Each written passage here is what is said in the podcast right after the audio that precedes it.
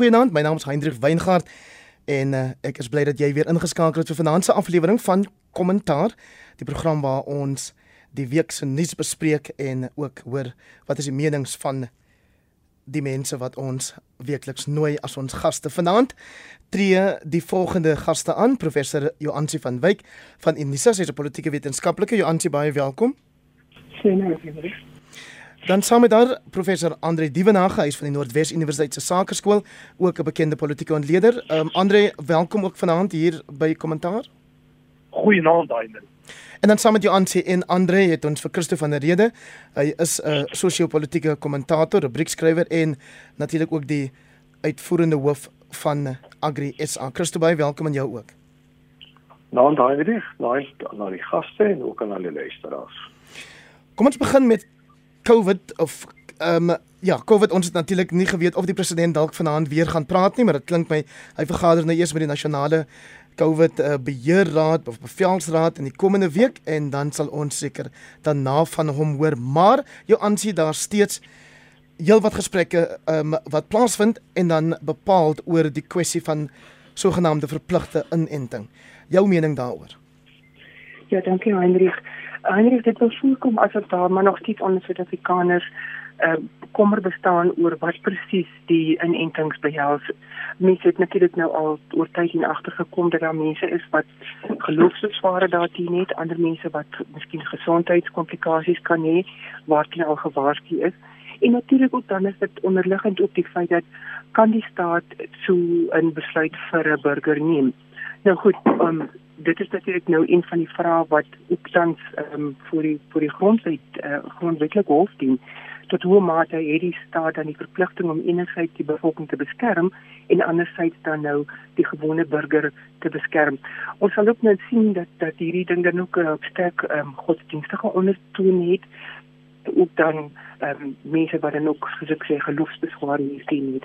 Die president is natuurlik baie bewus daarvan die dat ons geweldige ekonomiese impak het as gevolg van die die die om die Omicron variant maar ook dan nou die onlangse gebeur, gebeure rondom die diere wat toe vir Suid-Afrika gemaak is natuurlik nog siek die soektog na na genoeg instowwe vir Suid-Afrika en dan ook natuurlik die die die soort van die winning exercise die winning and heart of minds of Suid-Afrikaners om hulle wel te kry om wel um, nugter oor hierdie pandemie te dink om wetenskaplike inligting daaroor in te win en natuurlik ook om die staat te vertrou um, in terme van dit wat hy doen. Die ander faktor is natuurlik die koste hiervan en ook natuurlik die die beskikbaarheid van die van van die instof. Um, en ons weet natuurlik dat die die gevaar van die verskillende variante um, is nog nie heeltemal aan ons bekend nie en dit is natuurlik nou die die groot en die ongemaklike avontuur waarmee ons nou op dit nog sit. Christen, daar is 'n heel paar instansies, maatskappye, sektore wat reeds besluit het hulle gaan verpligte inenting 'n reël maak aan hulle werksplek. Wat is jou mening as iemand wat ook in een van ons, wel, in een van ons belangrikste sektore in die land werk, naamlik landbou? Anders ek is nie 'n wetenskaplike nog minder is die organisasie wat ek aan verbonde is. 'n uh, organisasie wat uh, hom of haar bemoei met die uh, mediese wetenskappe. Uh, ek is ook nie 'n viroloog nie en dis kan ons nie uitsprake maak oor goed waarvan ons bitter min weet nie. Uh, wat ek vir ons belangrik is, is dat mense moet uh, hulle self opvoed, hulle behoorlik inlig van baie keer uh gaan die argumente nie nie oor die wetenskap wat agter dit sit nie. Maar dit is eerder polities gedrewe, ideologies gedrewe of uh godsdienstig gedrewe of selfs kultureel gedrewe. Nou daai tipe van goed gaan nie jou lewe red nie. Al wat ek kan sê is ek het COVID aan my pas ervaar. Uh ons uh, jy weet dit was 'n baie moeilike tyd vir my en vir my familie toe deur daai siekte gegaan het so 12 maande gelede oor die Desember periode. En die hartseer was dat dit ons baie vriende en familie ook in die proses verloor as gevolg van COVID. Nou indien uh, mense op daardie stadium uh, uh, ingeënt was, dink ek sou die uh, uh, uh, die sterkte syfer baie laag gewees het. En ons sien dit nou uh, mense lees maar in die nuus dat uh, mense raak nie so ernstig siek met hierdie uh, Omicron virus uh, uh, wat wat ingeënt is nie.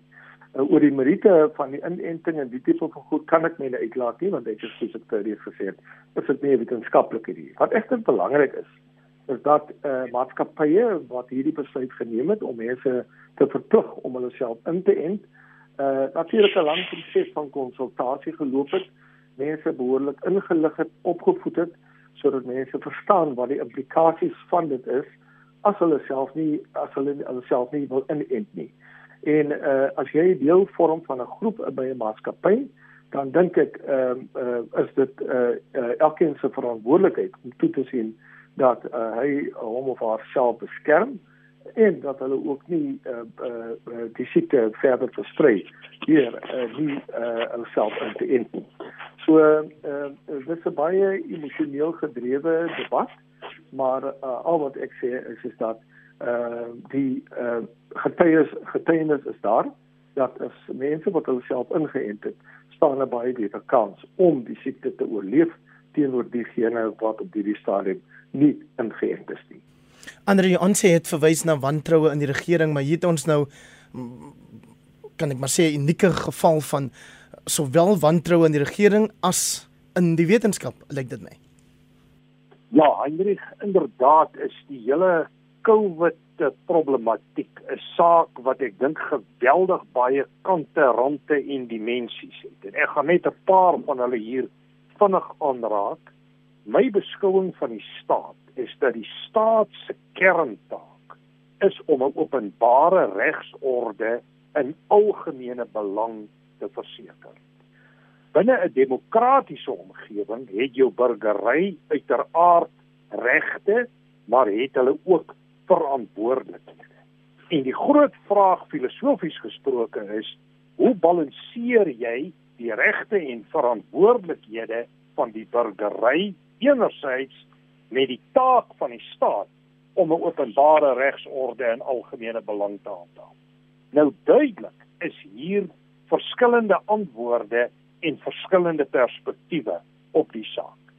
My kyk daarop is dat die staat moet eintlik die oorhoofse reëlings daarstel en 'n bepaalde regsorde probeer vestig wat sekere reëls neerlê vir mense wat ingeënt is en bepaalde reëls vir mense wat nie ingeënt is en dit bindend afdwing dit sou ek as die staat se taak sien. Ek sien dit wel as die reg en ook die verantwoordelikheid van die burgery om self te besluit of hulle ingeënt word al dan nie.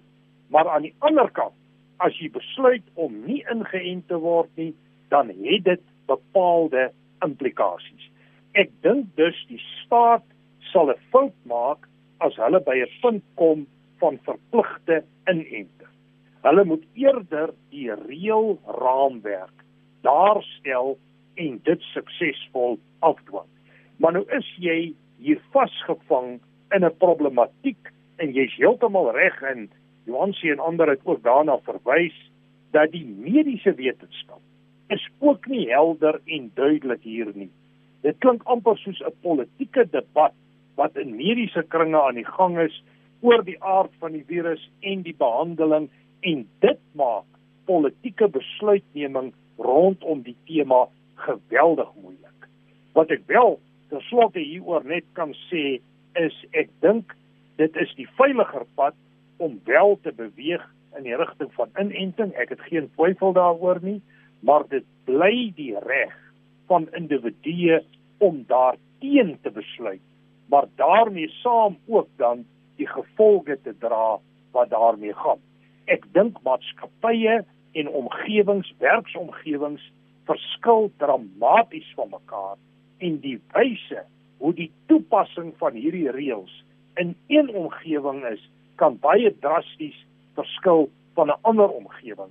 Ons bevind ons ek en my en, en Johansie in 'n universitêre omgewing waar jy kontak het met soms groot getalle mense en dit maak jou risiko baie groter as ander omgewings waar jy virtueel kontak het of in baie omstandighede glad nie kontak het nie. So ek dink 'n mens moet 'n strategie volg waar uh, one size doesn't fit all die belangrike reël van die spel is. My naam is John Smit sê hierdie luisteraar ek voorspel 'n donker jaar oor verpligte inenting. Meer mense gaan aan geweld sterf as aan die virus self. En dan Frans van Ferreira wat sê ek het geregistreer, maar van wanneer af gee die regering om vir burgers se veiligheid en vir die ekonomie? Aan sê praat met ons oor hierdie luisteraars uh kommentaar asseblief. Ehm um, ja, weet jy, uh, Weinrich, ek dink een van die goed wat natuurlik ook hier na vore kom is en ek stem saam met wat ehm um, Andre gesê het is wat is die terrein wat die staat skep? Nou ons gaan later bietjie gesels as die tyd ons toelaat oor die herdenking van die van die grondwet.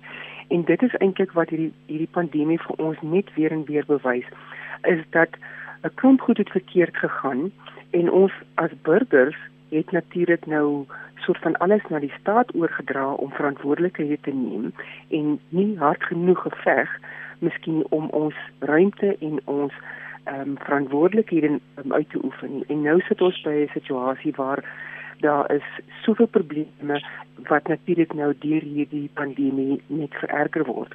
Nou of jy dan nou jouself laat inent of nie, die punt is en ek stem daarmee saam wat wat ehm um, beide ehm um, dokter van Rede en en ander gesê het is ons as burgers het 'n verpligting 'n verpligting om nie um, toe te laat dat ek ander aansteek nie, maar ook nie dat ek ehm um, aangesteek word nie. En tot 'n mate is hierdie debat vir my herinner dit my bietjie aan die debatte wat ons gehad het uh, in die vroeë 80s rondom HIV ehm um, en wat presies behels vigs en hoe steek dit aan en al die tipe goed. En dit is tog jammer dat dit so voorkom asof ons nie eintlik van daai lesse geleer het nie. Nou goed, ons weet verskoon my dat daar groot probleme was rondom die digital vibes. Um, skandaal wat daar nie genoeg um, openbare opvoeding plaasgevind het van meet af aan um, rondom die die pandemie rondom die instof nie. En ons as Suid-Afrikaners soek vir ons 'n ruimte om onsself dan nou kan vry uit te leef. Gewoon soos wat ek sê omdat ons nie noodwendig die volle vertroue in die regering het nie en natuurlik dan nou uh, verdagmakery en wat ek um, ook al voorheen genoem het op hierdie program in hierdie soort van post-truth samelewing waar dit soveel keer gaan oor die effek van van inligting nie noodwendig die inhoud van inligting nie nou die ons staan voor 'n probleem is dat ons moet ons ekonomie aan die gang kry en elke Suid-Afrikaner het die verantwoordelikheid om ook sy sy of haar plig na te kom. En dit is die vraag. En ja, ons is bekommerd want die ekonomie gaan meer agteruit, mense raak meer kwesbaar en die staat ehm um, blyk ook nie by magte te wees om noodwendig wet en orde te handhaaf nie. En wanneer mense desperaat raak, raak dit soos wat ons in die literatuur sien, ehm um, die die politiek van die mag, the politics of the belly. Ehm um, en en dit sal homself dan uitspeel en dit is 'n uh, 'n scenario wat ons nie uit die gedagte uit moet verloor nie maar wat ons tog hard voor moet teen teen veg. Christo president Cyril Ramaphosa skryf in die Economist se jaarlikse The Year Ahead spesiale uitgawe oor wat hy noem enstof apartheid en dit 'n verwysing na baie lande wat steeds maar sukkel om enstof in die hande te kry terwyl ons weet in ander lande ehm um, word mense al gevra om vir derde uh, dosis enstof nader te staan is daai 'n sinvolle of 'n sensasionele vergelyking of um term om te gebruik en stof apartheid?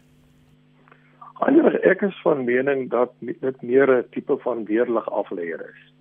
Uh die regering het regtig waar uh op sy lauwere gerus toe hulle uh verlede jaar uh, uh die planne moes beraam om eenstof in die hande te kry. Nou uh blykbaar uh, het ons nou genoeg uh eenstowwe in Suid-Afrika, maar uh ons mense uh, daag nie op om uh, ingeënt te word nie. So nou sit die regering met 'n redelike dilemma want ek dink die goed het seker 'n vervaldatum en uh, dit mag gebeur dat ons aan die einde van die dag 'n klomp geld vermors het by die aankope daarvan en nou wil ons van die goed ontslaa raak. Maar daaroor kan ek my nie uitlaat nie. Maar wat vir my belangrik is, ek dink daar's 'n stukkie moedswilligheid en ek noem dit sommer politieke moedswilligheid om uh die regering uh te blameer of die regering uh, uh, op een of ander manier verdag te maak oor die feit dat daar uitsprake was dat daar verpligte inenting moet wees. Ek dink die regering sal so 'n besluit neem sonder dat dit die uh uh die die uh aanbevelings van ons wêreldklas uh, medisy in ag geneem nie. En dan dit is belangrik. Uh, die president staan nie een oggend op en dan teken hy 'n ordonnansie waar dan almal verplig word om ingeënt te word nie. Daar's 'n groot stuk wetenskap agter dit en ek dink uh, ons wetenskaplikes in Suid-Afrika en regwaar, ek dink ons moet vanaand van hulle 'n lansie breek dat hulle is goed toegerus om 'n ingeligte besluit te neem. Uh wat die implikasies daarvan gaan wees, dit weet ek nie en ek dink daar's dit sal 'n groot stuk oorreding uh moet kos van af die regering kant af om mense te oortuig om uh te gaan vir inentings. Want ons sit nou met 'n dilemma. Uh ons het in in inentings beskikbaar, maar mense neem dit nie op nie. En dan die tweede ding wat ek wil beklemtoon is dat uh ek het was vandag in die geselskap van medisy waar hulle hulle kommer uitspreek want uh, hulle is al reeds besig om suurstofmasjinerie en ek weet nie wat die goed se naam alles is nie maar hulle is besig om dit rond te skei van een hospitaal na 'n ander hospitaal. Ons medisy is werklik waar bekommerd vir al ons dokters en hospitale.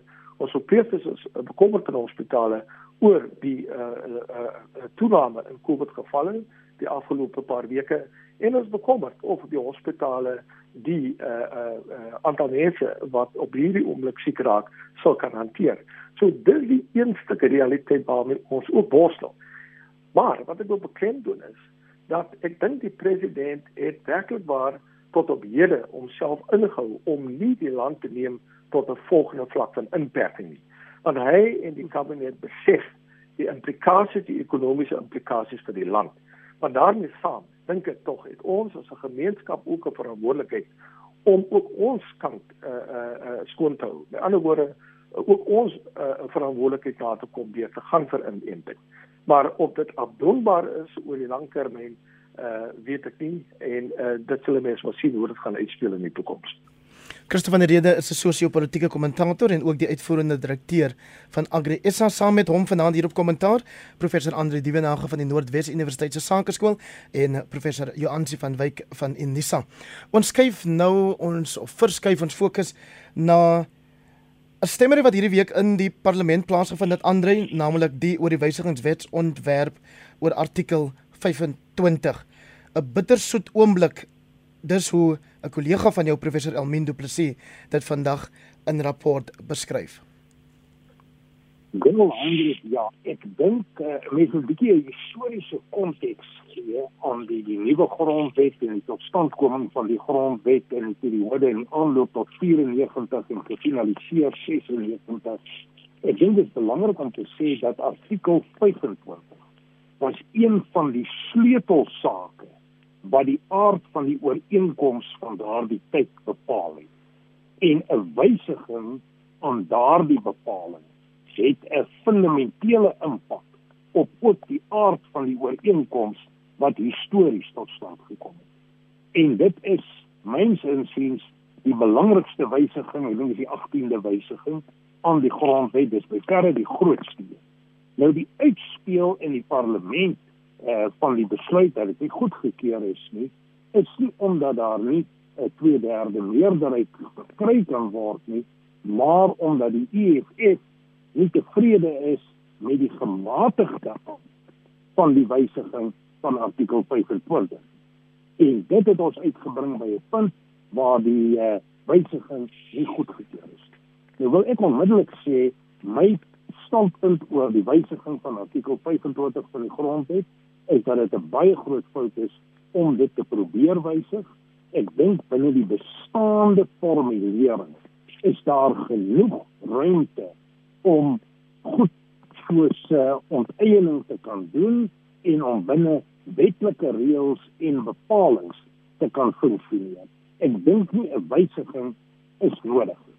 Maar wat wel vir my duidelik is, is ons gaan nog 'n baie lang pad loop met artikel 25 van die grondwet. Hierdie besluit in die parlement is allermins die einde van die pad. Trouwens in die gesprek binne die ANC verwag ek in die opbou na die 2022 konferensie dat die hele grondkwessie en eienaarskap en onteiening sonder vergoeding 'n baie pertinente plek gaan inneem en inherënt deel gaan word van die magstryd wat besig is om steeds uit te speel binne die ANC. So hierdie saak is nog lank nie van die tafel af. Maar sou ons 'n wysiging kry aan daardie bepaling, kan dit wat my aanbetref verrykende implikasies hê. Nie net vir die ekonomie van die land nie, maar ook vir die sosio-politiese stabiliteit in die land. En daar is groot risiko's in hierdie verband wat bestuur moet word. Ongelukkig is die situasie so dat in 2017 het die ANC by hulle vorige nasionale konferensie besluit op radikale grondhervorming, ook besluit op ander goed soos byvoorbeeld die nasionalisering van die Reservebank. Hierdie goed gaan nou weer na vore kom en daar gaan weer besluite oorgeneem word. En dit staan teen die agtergrond van die groter herposisionering van politieke kragte in Suid-Afrika en rekonfigurasies wat hier na vore kan tree. Ek dink ons staan uh, as gevolg van 'n grondredes met inbegrip van artikel 25 van die grondwet by 'n baie dinamiese punt in die Suid-Afrikaanse politiek met 'n uitspeel wat waarskynlik verrykende implikasies kan hê en Johansie het daaraan geraak in van die vorige gesprek rondom COVID in terme van ekonomiese en politieke realiteite, die rol van die staat en so. Johansie het gehoor Andre het vroeër met verwysing na die diskurs oor COVID en 'n verpligte inenting die uitdrukking gebruik daaraan verskillende kante, rande en dimensies is aan daai debat dieselfde geld vir hierdie een artikel 25. Ja, verseker en ek dink wat ook belangrik is in hierdie tyd is uh, dat ons ons moet ook uh, debat hê oor oor wat is grond en en wat is eiendom. Ehm um, want ons sien dit in dit artikel 25 wat uit nege verskillende onderafdelings bestaan en ons fokus veral net op hierdie een aspek.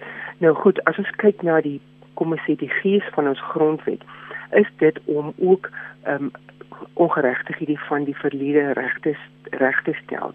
Nou aan die ander kant is dan daar die die pragmatisme van die grondwet wat sê maar goed, dit moet binne 'n ordelike struktuur plaasvind en die grondwet bied dan soort van die argitektuur ehm um, aan waar binne dit moet plaasvind die ordelikheid die die die dit volgens die reg cetera. Nou die wysiging het nou basies dan nou gegaan oor dat dit sonder vergoeding moet plaasvind al dan nie. Nou dit het natuurlik nou nie gewen in hierdie stadium nie, maar ons moet onthou dat die onteeningswet ontwerp is nog ter tafel en dit moet nog um, bespreek word. Nou goed, die die die taal daarvan sluit nie noodwendig ehm um, vergoeding in nie, maar dit gaan dan ook oor die breër faktore van dat die staat vir sosio-ekonomiese regte en in in geregtigheid dit dan wel kan grond en eiendom kan ehm um, kan onteien. Nou dit is natuurlik nou een van die punte wat wat in ons grondwet se gunst stel dat ons dan nou sogenaamde vierde en miskien vyfde generasie um, regte akkommodeer. Maar die punt is in ons land is dit so 'n geweldige emosionele saak wat ons voortdurend na sal moet kyk.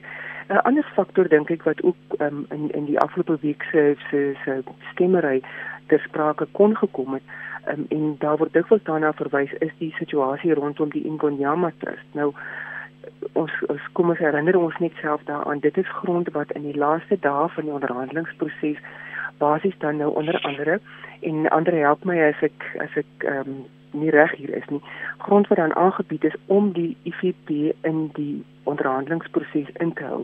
Nou hierdie is byna 3 miljoen hektaar wat dan nou kom ons sê deur die ou regering dan nou um, beskikbaar gestel is um, aan aan um, vandag tel dit onder andere 250 tradisionele rade wat dan nou hierby betrokke is. En en dit is 'n tipe eiendom wat dan nou ter sprake gaan kom is wat doen ons daarmee?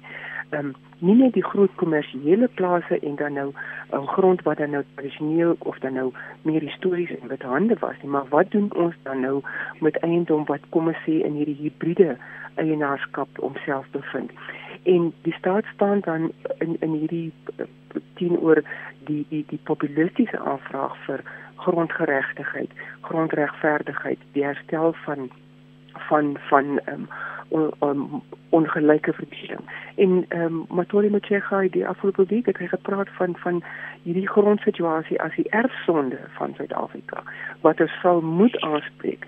Wat dan ook daarmee saamgaan is ons gaan nie vinnig van hierdie sogenaamde erfsonde ontslaa raak totdat dit homself dan éventueel uitspeel wat tot almal um, se se voordeel is ons weet dat dit gaan nog lank vat voor ons by daai posisie kom.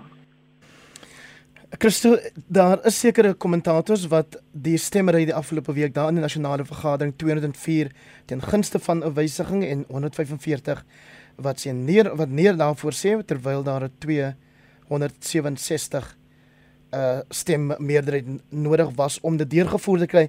Dit word geïnterpreteer as 'n nederlaag vir die ANC. Is dit 'n vereenvoudigde interpretasie? Hendrik, ek dink die groot groot uitdaging is dat uh die ANC het nie daarin geslaag om uh as 'n regerende party grondhervorming op 'n suksesvolle basis deurgevoer te kry nie. Een, jy hoef nie die grondwet daarvoor te verander nie.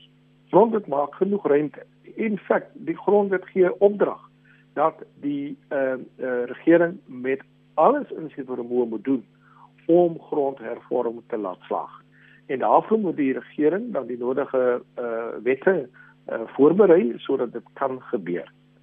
Maar wat het gebeur? Omdat die ANC nie daarin kon slaag om grondhervorming suksesvol deurgevoer te kry die afgelope 25 jaar nie. Het hulle hierdie hele kwessie rondom grondoneiening sonder vergoeding as 'n weerlig afleier weer eens gebruik om die uh, uh fokus te verskuif na van hulle eie onbeholpenheid na 'n uh, uh, uh, uh, fundamentele uh probleem met die grondwet.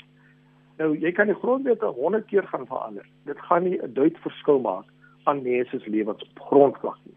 En dit wat wat ons voortdurend as AgriSA in ons gesprekvoering met die regerende party as ook uh, tydens ons voorleggings in die parlement aan hulle voorgehou het in die eerste plek.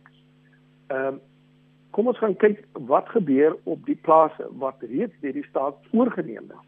Die president het sy staatsrede vroeër die jaar verwys na 5000 plase wat in regeringsbesit is en uh, wat in die hande is van swart boere. Uh, 90% van daai plase en dit is deur die minister van uh, landbou bevestig, Toko Didiza, uh, 90% van daai plase is disfunksioneel op hierdie stadium. Ons sit met 'n landbank wat pre-94 'n groot rol gespeel het om wit kommersiële boere te vestig. Op hierdie stadium uh, is die landbank nie eens meer by magte om enige lenings toe te staan aan uh, boere daar buite nie en veral nie swart boere nie. Dit is 'n hartseer verhaal van 'n uh, 'n uh, 'n proses wat heeltemal skeef geloop het en die basis van daai uh uh uh uh, uh dinge wat verkeerd gegaan het kan lê opgesluit in korrupsie. Ons het net verlede week uh, gehoor van uh staatsamptenare wat die proses op so 'n wyse manipuleer dat dit hulle en hul families tot voordeel trek en daarmee saam uh, stop hulle miljoene rande in hulle sakke en ek is bly dat daai mense gefonnis word. Eintlik dit is dringend dringend noodsaaklik dat ons hierdie grondhervormingsproses op 'n ordelike wyse bestuur kry en ons moet dit ons ons moet onderskei tussen verstedeliking. Met ander woorde, wat moet ons doen uh, om aan mense ordentlike behuising in stede te voorsien? Ons sien Johannesburg, Kaapstad, Port Elizabeth, al ons groot stede word verswelg deur informele uh, kampe of plakkerskampe wat een na die ander opspring. Uh, en as regering en as ons uh, uh, metropolitaanse rade nog nie besef dat ons is besig om op 'n groot krisis af te stuur nie, dan weet ek nie wat lê vir ons voor nie. So dit is belangrik dat ons eerstens moet uh, aandag gee aan behuising, ordentlike behuising vir mense en ons moet daai uh uh titelaktes moet ons oordra aan daai mense. Want dit is deur titelaktes wat jy wel vaskep. En dan tweedens moet ons 'n ordentlike program van stapel stuur om landbougrond uh in die hande van bekwame swart en bruin en indiër boere te plaas. Ons moet daai grond ook 'n sekere tydperk in hulle name oordra, maar mense moet ook dan bewys kan lewer dat hulle wel bereid is om op daai grond te bly en te kan boer. Ons kan nie 'n situasie hê waar die elite die grond vir hulle eie doeleindes skaap en aan die einde van die dag lê voedselsekerheid daaronder en die hele ekonomie lê daaronder nie. So die ANC, die regerende party moet pas staan vir hierdie mislukking en dit help nie hulle probeer om die grondwet daarvoor om verantwoord te hou nie. Die grondwet is net 'n stuk papier waarin daar wel uitvoering gegee word, maar daarin het hulle nie geslaag nie. Anders ons hou daarvan hier in Suid-Afrika om onsself bang te praat oor 'n moontlike Zimbabwe scenario. Maar wat gebeur in die lange duur as hierdie kwessie nog langer sloer? Dit is geweldig belangrik dat ons hierdie kwessie bestuur en hierdie kwessie op 'n wyse hanteer dat ons verby dit kan beweeg en kan vorentoe gaan. En ek is bevrees dat die eksperimente in Afrika en ek praat van sosiale ingenieurs, sosiaal-politieke ingenieurs programme. O ja, maar sosialisme in Tanzanië was 'n voorbeeld daarvan uh, Zimbabwe op die uh, afgelope dekade of 2, 3 is 'n voorbeeld van dit en die uiteinde daarvan was eintlik katastrofaal geweest vir die onderskeie state. En ek dink nie Suid-Afrika kan dit op enige wyse bekostig. Daarom is dit belangrik dat ons iewerster 'n ooreenkoms bereik al is daar 'n grondkodekse of iets dat daar 'n ooreenkoms kom dat ons hierdie saak kan in die bed sit en aanbeweeg voort. Ek wil net terugkom op 'n paar punte wat wat deur van my kollegas genoem is. Johannes het 'n baie belangrike korrekte opsomming vir die Nkwawoma Trust, maar dis 'n geweldig belangrike punt daar. Ek verstaan van uit die komitee dat daar pogings is om tradisionele grond eh uh, byvoorbeeld die Nkwawoma Trust nie onderhewig te stel aan die breë wet, maar dat daar pogings is om uitsonderings te hanteer. En dit sal baie interessant wees hoe hulle die Nkwawuma Trust gaan hanteer om verseker as daar onteiening sonder vergoeding plaasvind, gaan dit 'n resept wees vir geweldige onstabiliteit. Die punte wat Christo maak is ongelooflik geldige en baie belangrike punte ten opsigte van die gronddebat. Die probleem lê nie en die oplossing lê nie by die grondwet en noodwendig by wetgewings. Die probleem lê by 'n staat wat disfunksioneel is en nie kan funksioneer om te doen wat hy veronderstel is om te doen. Kortom, die grondhervormingsinisiatief het misluk omdat die staat nie die vermoë het om dit te kan bestuur dit gaan nie oor geld primêr nie. Daar is geldtekorte uiteraard, maar geld is nie die primêre probleem.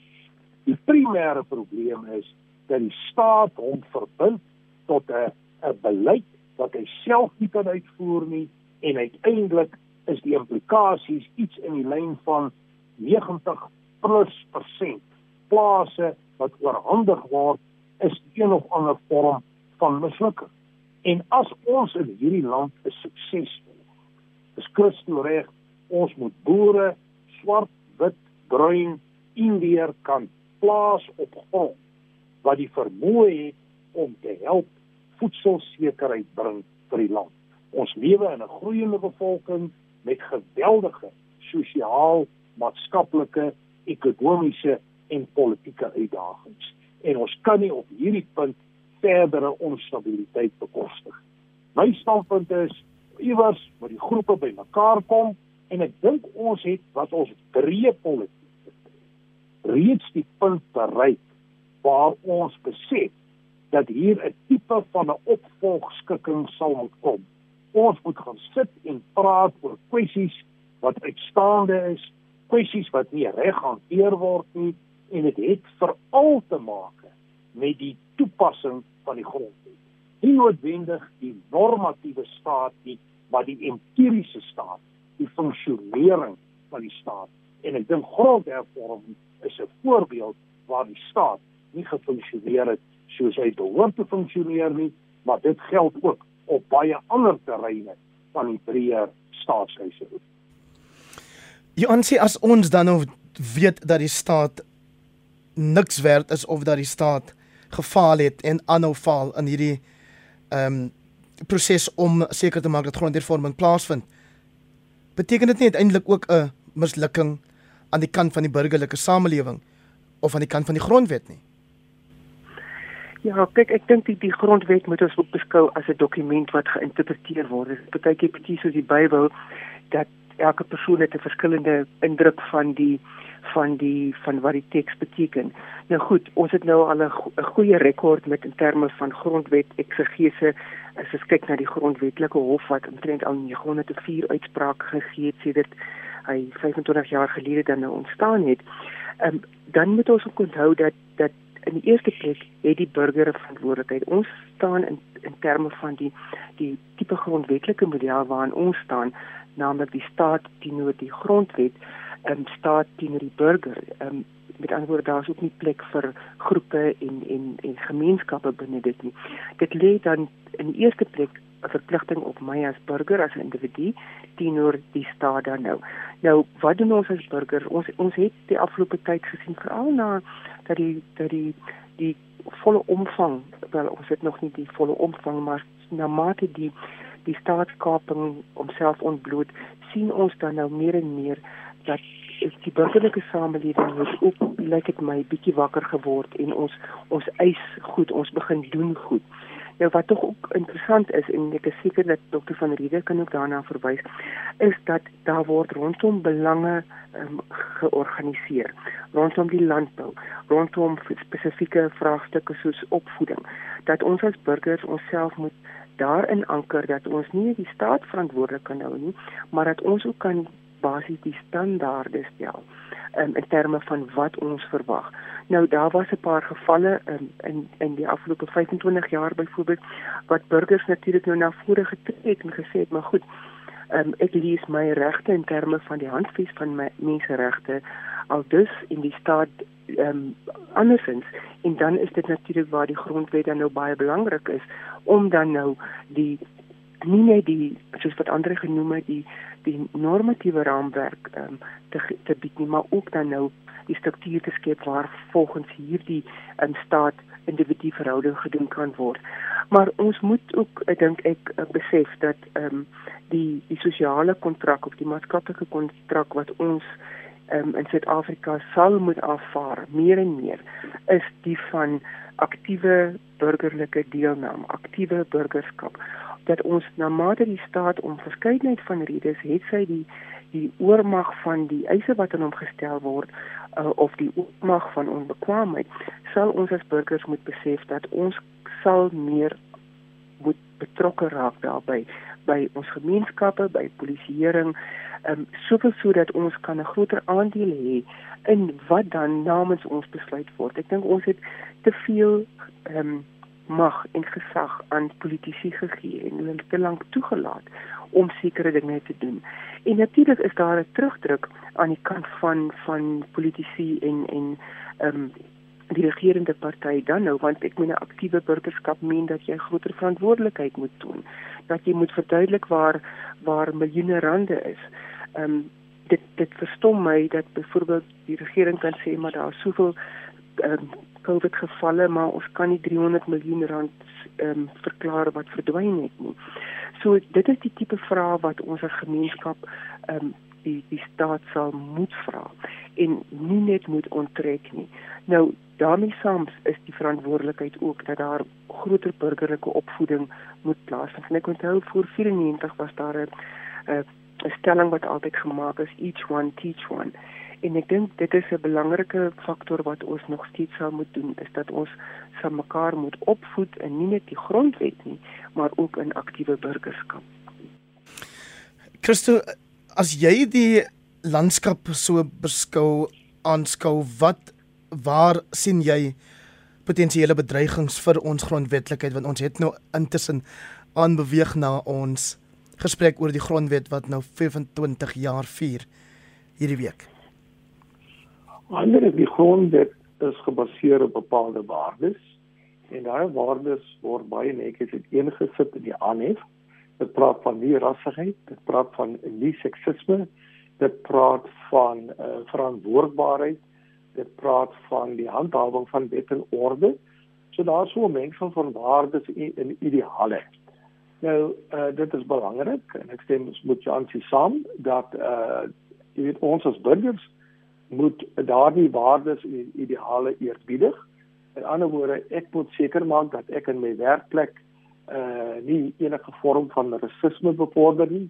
Ek moet seker maak dat ek uh jy weet uh my uh, die wette van die land respekteer en dat uh, my besigheidspraktyk daarmee belyn is en dan moet ek seker maak uh, dat ek ehm um, wat hulle noem 'n vorm van deelnemende bestuur in my besigheid het sodat uh, ek menseregte ten alle tye bevorder, versterk en uh, dat jy 'n besigheid uh, of 'n uh, uh, organisasie of 'n instelling ehm uh, vestig wat belyn is met uh, die waardes en ideale van die grondwet. Uh, so dit geld vir die burgerry, maar dit geld ewens eens vir die staat uh, as 'n staatsdepartement moet ek seker maak dat ek as hoof van 'n staatsdepartement ehm uh, uh, ten alle tye die waardes en ideale van die grondwet eerbiedig. Wat gebeur is dat in baie gevalle seer mense hulle dood eenvoudig nie aan dit wat die grondwet van ons vereis nie. En mense vat kort paaie of uh, mense doen dinge wat uh, glad nie in lyn is of wat strook met hierdie waardes en ideale nie. En dit is waar ons grootste probleem lê. Dit verg egter leierskap in hierdie land. As jy gaan kyk na staatskaping, staatskaping is 'n voorbeeld van 'n uh, 'n uh, 'n uh, uh, uh, praktyk uh, wat heeltemal indryf teen die waardes en ideale van die grondwet. En mense probeer daarmee wegkom. En ek is baie bly dat die sonderkommissie uh, dit uh, aan die kant stel. Uh, en daarmee saam, uh, jy weet jy kan na enige staatsdepartement en jy kan selfs na die besigheidssektor toe gaan as gevalle waar mense dood eenvoudig uh, hulle afgee aan dit wat die grondwet van ons vereis. Want dit is ook dieselfde mense wat aanspraak op die regte wat deur die grondwet uh, beskerm word. Maar daar dieselfde mense is nie bereid om daai verantwoordelikhede wat die grondwet van ons vereis om uh, dit op te neem en uh, dit ten alle tye te eerbiedig nie. En dis ons probleem, daai wanbalans tussen aan die een kant ek wil my regte beskerm hê, maar aan die ander kant is ek nie bereid om my verantwoordelikhede teenoor die grondwet na te kom nie. So ander in die komende week vier ons dan nou versoeningsdag en ons weet dat die grondwet ook van ons vereis om die vergrype van die verlede te erken en om 'n verbintenis te maak tot versoening en maatskaplike samehorigheid. Hoe ver het ons gekom? Wel, Hendrik, ek dink uh, ons het voor geweldige groot uitdagings te staan gekom in die afgelope tyd ten opsigte van die konsolidasie van ons demokrasie. Want dit is die term wat gebruik word in terme van die vestiging van demokratiese waardes. En ek gaan net 'n paar van die groot uitdagings hier noem. Uh van die probleme is uh patrone van politieke onstabiliteit en staatsdisfunksionaliteit. Die feit dat die staat en die owerheid nie funksioneer nie en ons sien die uitspeel daarvan in talle omgewings op die verskillende vlakke van regering ten opsigte van die semi-staatsinstellings ten opsigte van verskeie ander uh aspekte waarby die regering betrokke is. Tweedens sit ons met 'n geweldige groot gaping tussen ryk en arm en dit blyk dat daardie gaping verder vergroot. Ons het onlangs syfers gekry ten opsigte van werkloosheid, gebrek aan ekonomiese groei. Ons is bewus van die vlakke van korrupsie, staatskaping, die vlakke bereik waar jy praat van triljoene van rande, dan word dit 'n baie baie ernstige saak. En as jy kyk na die magstryde wat deesdae woed op soveel vlakke, dan sê dit vir my dat ons demokrasie nog baie sal moet groei voordat ons kan uitkom by 'n punt waar ons kan sê dat hy wel gekonsolideer is. En ek dink jy vra spesifiek oor die kwessie van versoening. Ek is amper bevrees om te sê dat die verdeeldheid oor die afgelope tyd het vir my skerper na die oppervlak gekom as in die verlede. En op hierdie stadium sit ons met 'n situasie waar rassepolarisasie besig is om geweldig toe te neem. Ons het dit gesien in die Julie geweld in KwaZulu-Natal en Gauteng waar daar spesifiek geweld uitgebreek het tussen die swart gemeenskap en die Indiër gemeenskap om net een voorbeeld in die verband te doen. Maar 'n kernaspek van demokrasie is dat jy jou burgery bymekaar moet hou, dat jou burgery moet bru bou na mekaar toe. En op die oomblik is dit bevrees is die tendens heel dikwels in 'n teenoorgestelde rigting. En wat my veral bekommer en Christo het verwys na die waarde van nie-rassigheid. En dit is belangrik dat jy nie rassig funksioneer, maar die regering op die oomblik formuleer wette, 'n groot getalle wette met 'n baie sterk rasgedefinieerde basis. En dit skep geweldige polarisasie in die land en dit maak versoening baie baie moeilik. So ek dink 'n gedeelte van die versoeningsproblematiek kan 'n mens ook voor die deur van die regering lê wat dit baie moeilik maak vir mense om met mekaar saam te werk wanneer jy in bepaalde raskategorieë geplaas word wanneer jy aansoek doen vir werk of wanneer jy vir ander voordele sou kon aansoek. So jy aansê vroeër in die program geloof wat grondvat met Flip Loots het ek ek dink uh, professor Christina Landman hoor uh, die begrip hoor gebruik beplande boosheid en dit is natuurlik 'n kwessie wat vandag weer ter sprake gekom het met die roudiens of her um, huldigingsdiens vir oud president F.W. de Klerk wat daar in die Kaap gehou is waar die president enerzijds gesê het ons moet die dinge van die verlede erken maar ons moet ook erkenning gee aan meneer de Klerk vir sy rol in die oorgang as jy op Twitter gaan kyk, dan is daar natuurlik 'n heeltemal 'n ander gevoel oor die nalatenskap van Ewe de Klerk.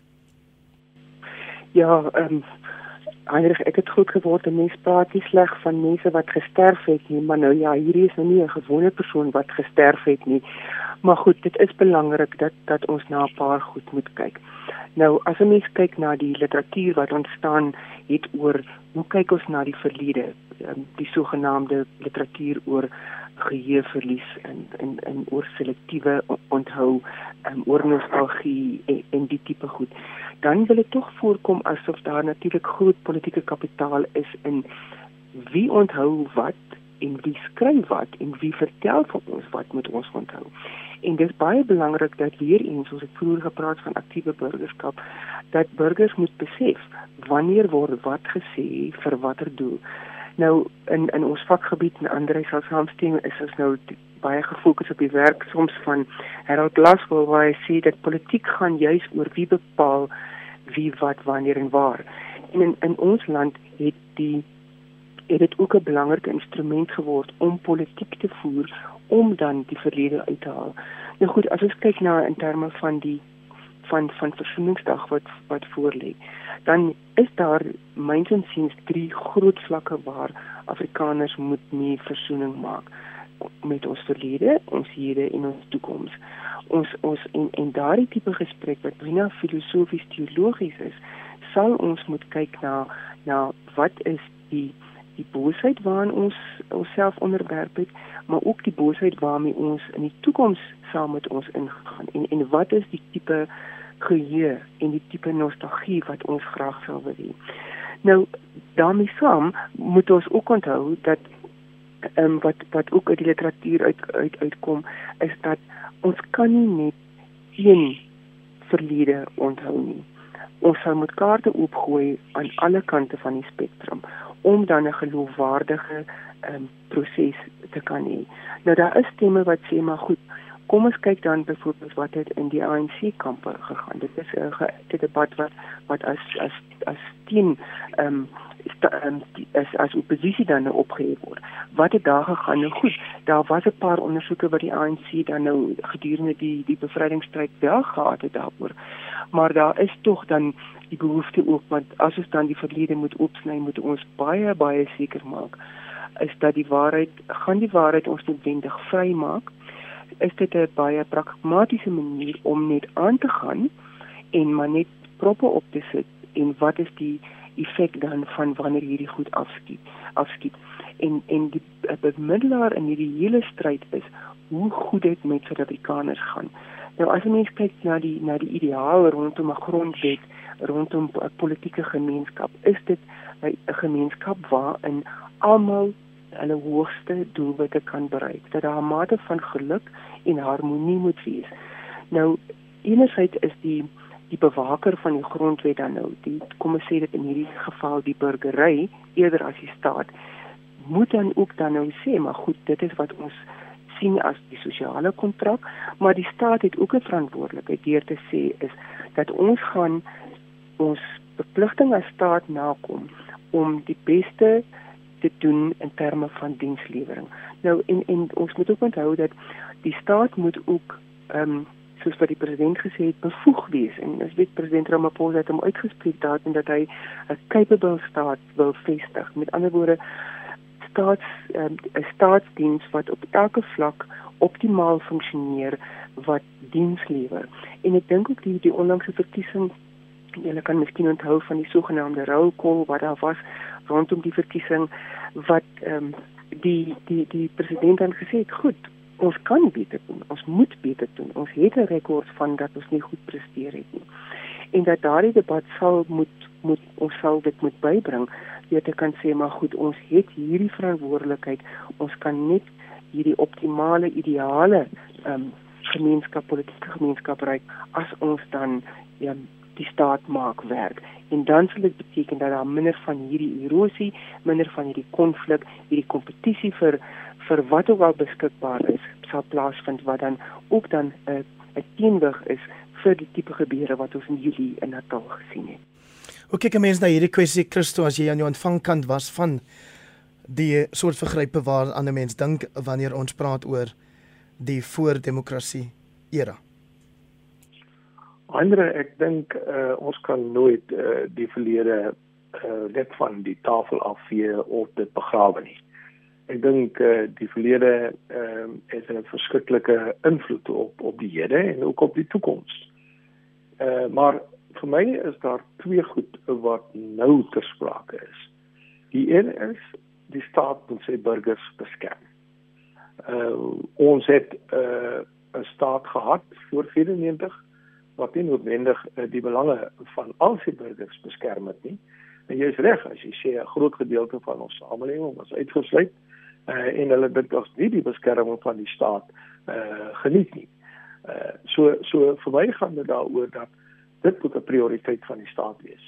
Uh, misdaad is besig om uh, die land uh, heeltemal uh, mense vreesbevange te maak. Ons sien dit nie net uh, in terme van wat gebeur in landelike areas waar plaas eienaars en werkers uh, in vrees lewe nie. Ons sien dit ook in die townships, ons sien dit uh oral oor in die land uh waar mense uh dikwels nie oog kan toemaak gedurende die nag nie, want enigiets kan met hulle gebeur. En ek dink in daai verband het die staat 'n massiewe rol om te vervul. As ons dit kan regkry, eindig waar ons dit in orde kan handhaaf en ons mense fisies kan beskerm, dink ek uh is is ons al klaar besig om 'n uh, uh, groot gedeelte van dit wat in die verlede plaas gevind het en dit wat op uh, die hele plaas vind om dit op een of ander vorm reg te stel.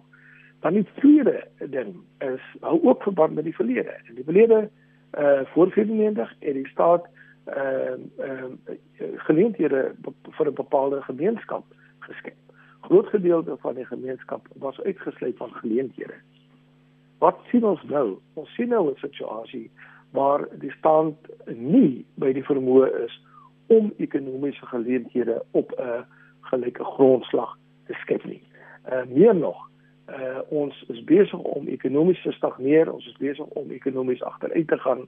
Ons sien die geweldige gaping tussen ryk en arm wat by die dag toeneem, waarna prof uh Dublage verwys het. As ons net daai twee goed kan regkry, Heinrich, dan kan ons reeds die wonde in die leksels uh, wat nog oorgebly het of wat nog oorbly van die verlede, kan ons dit begin heel. Maar ons groter uitdaging is indien ons land uh voortploeter op hierdie basis waarop hy voortploeter waar daar nie net 'n orde is nie, waar ons uh nie gelyke geleenthede vir al ons mense skep nie en uh, waar ons ekonomie besig is om te stagneer, uh gaan mense toenemend ehm um, die die die huidige regering verantwoordelik hou vir die stand van sake en ons sien uh, dit het reeds uh, na vore getree in die afgelope verkiesing. Kyk maar na die uh, die seën wat die ANC gekry het. Kyk maar na die seën wat die EFF gekry het. Die EFF het die hele uh, verkiesingsmanifest gebou rondom die grondkwessie. Uh, mense doen eenvoudig uh jy weet baie duidelik laat blyk dat grond is eintlik baie laag op die ranglys. Dit is dienslewering, dit is ekonomiese geleenthede wat ons eerste prioriteit is op hierdie stadium. En ek dink op daai wyse kan ons die onregte van die politieke heel. Andre, ek wil hê jy moet saam met my uh, die horlosie dop en dan gee ek jou 1 minuut om met ons te praat asseblief oor of daar rede is vir hoop in hierdie land. Andre, ja, daar is rede vir hoop in hierdie land. En dit hang af van hoe die politieke leierskap die toekoms definieer en ons vorentoe neem. Ek is baie keer geskok as ek kyk hoe doelgerig die regering die COVID situasie hanteer en hoe gereeld die president ons toespreek. Maar die sake wat Christo aangeraak het daar, die hele veiligheidssituasie in die land, die ekonomie en werkloosheid, verdien dat die president ook op 'n gereelde basis aktief daar moet leierskap gee. So ek dink dit is 'n geweldige belangrike voorvereiste. Tweedens is hier 'n tendens in die Suid-Afrikaanse politiek. Party praat van 'n positief, party negatief, maar dit is die ontwikkeling van wat mens sou kon noem 'n parallelle staat waar die staat faal, tree ander instellings en groepe na vore en neem kernfunksies van die staat oor in terme van veiligheid, in terme van voorsiening van basiese behoeftes, dienslewering en so meer. En ek dink op 'n manier is dit ook positief. Wat wel geweldig belangrik is en dis 'n voorvereiste vir 'n suksesvolle toekoms, is dat die burgery mekaar vind. Dat ons moet brûe bou en dat ons saam die toekoms aanpak. En dit is hoekom ek een van die groot voorstanders is van kom ons noem dit 'n tipe van 'n opvolgskikking waar mense met hulle kwessies om 'n tafel kan gaan sit, jy antwoorde kry en jy daardie antwoorde daadwerklik implementeer, dan het ons 'n positiewe toekoms. Johan sê 1 minuut vir jou ook asseblief om vir ons 'n slotgedagte te gee oor waar ons staan met die kwessie van versoening enkele dae voordat ons weer versoeningsdag vier. Ja, Hendrik, daar is soveel geleenthede wat ons het om by mekaar uit te kom. As jy net kyk na die regering se Imbizo program wat hy nou 'n ander naam voorgegee het, maar daar is geleenthede waar gemeenskappe met die regering kan kan gesels en en en interaktief kan mee optree. Daar is ons ons ons is bevoorreg om verkiesings te kan hê om die proses, die prosedurele aspekte van van die demokrasie te kan hê. Die groot geveg wat ons nou het en dit is die uitdaging van om om 'n Suid-Afrikaner te wees is om die die um, grondwet te maak werk en om dit waarlike lewendige dokument te maak sodat ons hierdie politeia kan bereik hierdie hierdie staat waarin elke burger sy hoogste waardes en ontwikkelingsvermoë kan hê. Nou dit is dit is die die die hoop wat ons ook het. Ons kan nie die verlede um, en ons moenie die verlede um, wegskramp van nie. Ons moet nugter wees daaroor en ons moet die toekoms tegemoet gaan met hoop. Andersins is daar vir ons groter ellende um, wat vir ons voorlê want met hoop is daar lewe en met lewe is daar hoop. Ons moet dit in gedagte hou. Soos altyd groot groot waardering vir jou bydrae professor Jansie van Wyk van Unisa saam met daar vanaand Christo van die Rede die uitvoerende direkteur van Agri SA en professor Andre Dievenage van die Noordwes Universiteit se Sakeskool. Baie dankie Andre en Christo ook vir julle insette vanaand. Groetens tot volgende keer.